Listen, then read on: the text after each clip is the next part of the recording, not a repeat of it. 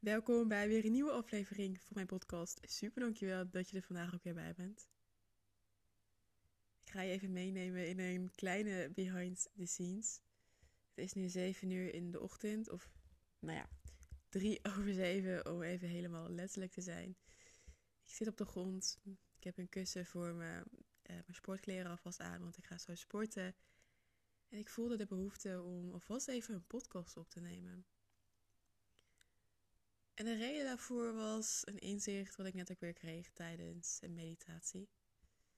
Ik zat net in mijn, ja, hoe noem je het? Boeddha-houding op mijn meditatiekussen. En ik was aan het luisteren naar meditatie waarin ik teruggeleid werd naar nu, naar dit moment. Waarop ik me nogmaals besefte van ja, dit moment is letterlijk alles wat ik heb.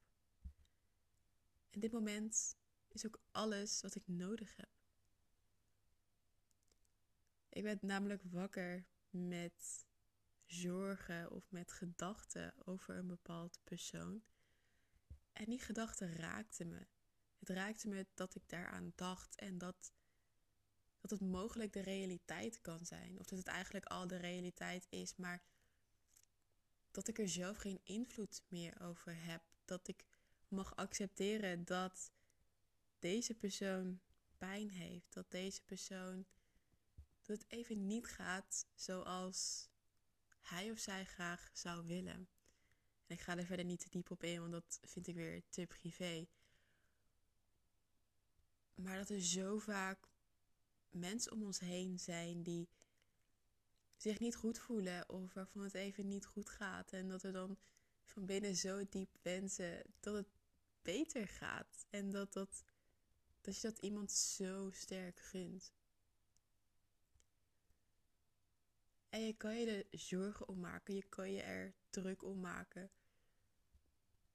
Maar is dat ook echt helpend voor jezelf? En dat was ook datgene wat ik mezelf afvroeg. Dat ik dacht, ja, ik observeer nu deze gedachten bij mezelf. Ik merk dat ik deze gedachten heb.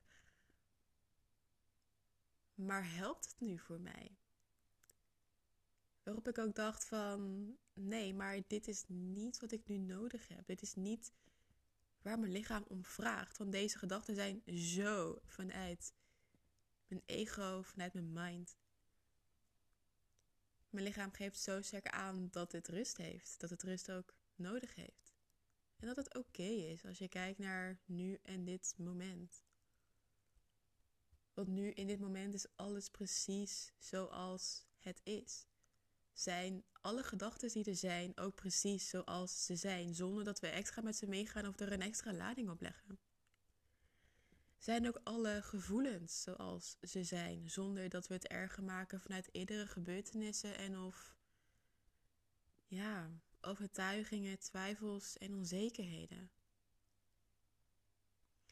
En precies dat, dat alles is zoals het is, geeft zoveel rust omdat er geen lading omheen zit, geen verhaal en niet een extra emotie. Ik zeg wel eens heel plat dat het makkelijk is om mee te gaan in een bepaalde emotie en dat we er een verhaal bij verzinnen.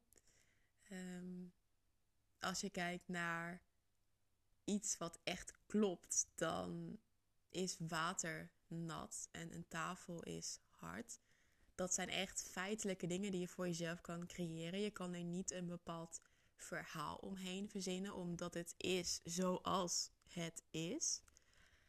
Ehm, maar je gaat een verhaal verzinnen op het moment dat je ergens in meegaat. Bijvoorbeeld dat het buiten regent en dat dat voor jou de aanleiding is om niet meer te gaan wandelen. Want ja, hè, je wordt ziek, je wordt nat of het is vervelend.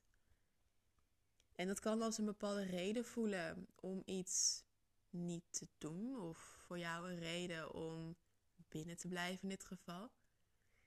Anderzijds is het een verhaal wat je jezelf gaat vertellen waarom je iets niet gaat doen. Want waarom zou je niet naar buiten gaan als het regent? Of waarom is nat worden per se erg? Vaak is dat in ons hoofd zo'n groot ding wat we gaan uitvergroten en meer en meer in meegaan. En dit is natuurlijk één voorbeeld. En je hebt er nog zoveel meer. Dus hoe zou je iets zien als je letterlijk terugkomt naar dit moment? Dit moment waarin er geen verhaal is. Geen eerdere gebeurtenis, maar letterlijk het nu.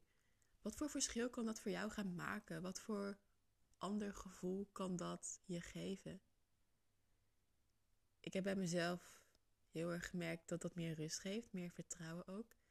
Dat ik voel van ja, maar dit moment is precies zoals het mag zijn.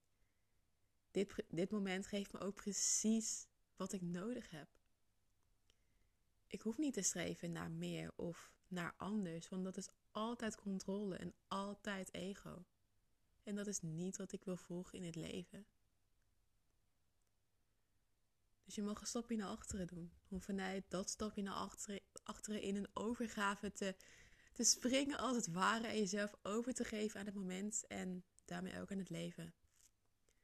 Zodat het leven je altijd kan geven wat je nodig hebt. En jij dat kan gebruiken nu, in dit moment. Ik ben benieuwd naar jouw ervaringen hierover of gedachten die nu bij je bovenkomen. Als je voelt dat je ze wilt delen, voel ook vooral de ruimte. Ik vind het super leuk om te connecten. Vaak is het heel erg ehm, ja, gek om te beseffen dat, dat er zoveel luisteraars zijn naar mijn podcast. Ehm, maar dat ik nooit weet wie er luistert. Ehm, dus mocht je iets willen delen, voel vooral de ruimte. En als je zoiets hebt van, nou, vandaag even niet. Ook helemaal prima. Laat de woorden lekker landen. Voel wat ze met je doen. Schrijf desnoods een inzicht op of een les die je hieruit haalt of waar je voor jezelf de aandacht op wil zetten. Weet dat nu het nu is, dat nu ook voor altijd het nu blijft en jij in dit moment in het nu kan beslissen wat je wil en je altijd je eigen regie hebt. Alright, dit is wat ik vandaag met je wil delen. Voel wat er bij je loskomt. Voel wat er boven komt vanuit je lichaam. Dan wil ik je super bedanken voor het luisteren van vandaag en tot in de volgende aflevering.